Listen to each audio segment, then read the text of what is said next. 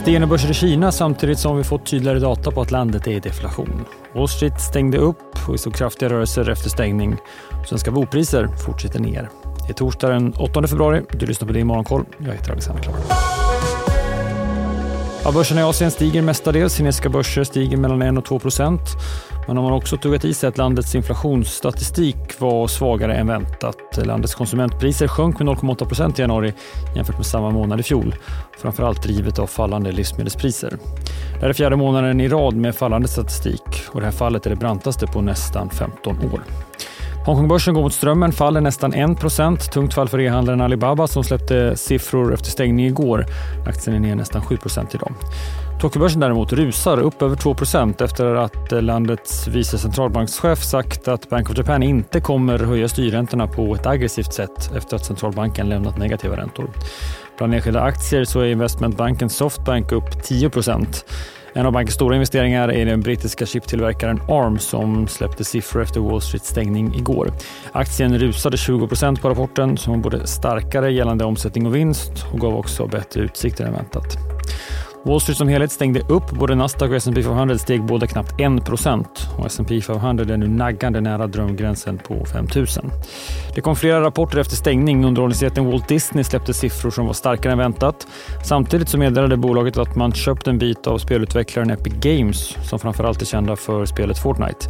Disney köper en minoritetspost för 1,5 miljarder dollar och man ska på sikt skapa nya spel och det talas om att bygga ett helt underhållningsuniversum med karaktärer och historier från Disney.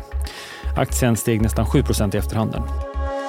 Sverige så. Vi börjar som alltid dessa rapporttider med just rapporter. Detaljhandelsbolaget New Wave gjorde ett rörelseresultat på 519 miljoner kronor i det avslutande kvartalet det var något svagare än i fjol. Bruttomarginalen var något bättre på 52 procent. Spelbolaget G5 Entertainment ser ut att göra ett betydligt svagare resultat än väntat medan siffrorna från hotellfastighetsägaren Pandox ser ut att vara något starkare än analytikerna räknat med. Bolaget Ambea har också släppt siffror. Resultatet är avsevärt bättre än i fjol och man höjer också utdelningen. Ambea meddelade också igår att man lanserar ett aktieåterköpsprogram på upp till 3 miljoner aktier.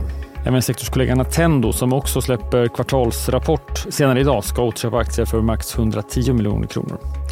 På tal om aktieköp, storägarna i Revolution Race, Altor och grundarparet Nyrensten har istället sålt ungefär 8,3 miljoner aktier i en placing där olika professionella investerare ska vara tagare. Försäljningen motsvarar 7,3 procent av bolaget som såldes till en rabatt på drygt 8 procent jämfört med gårdagens stängning. Efter försäljningen äger Altor cirka 27 procent av bolaget medan Nyrensten äger cirka 20. Sist om den svenska bomarknaden. Bostadsrättspriserna fortsätter ner, visar nya siffror. I januari minskade priserna med 0,8 procent. Bland storstäderna gick Malmö mot strömmen med svaga prisuppgångar och i centrala Stockholm var prisnivån oförändrad.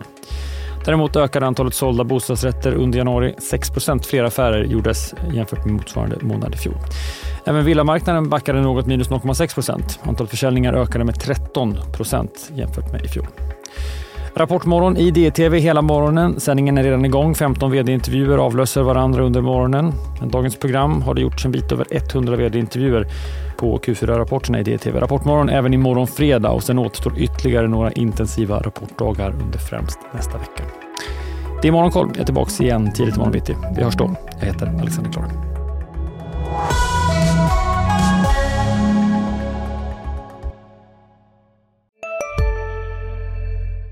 Där det finns ett samhälle, där finns det brott.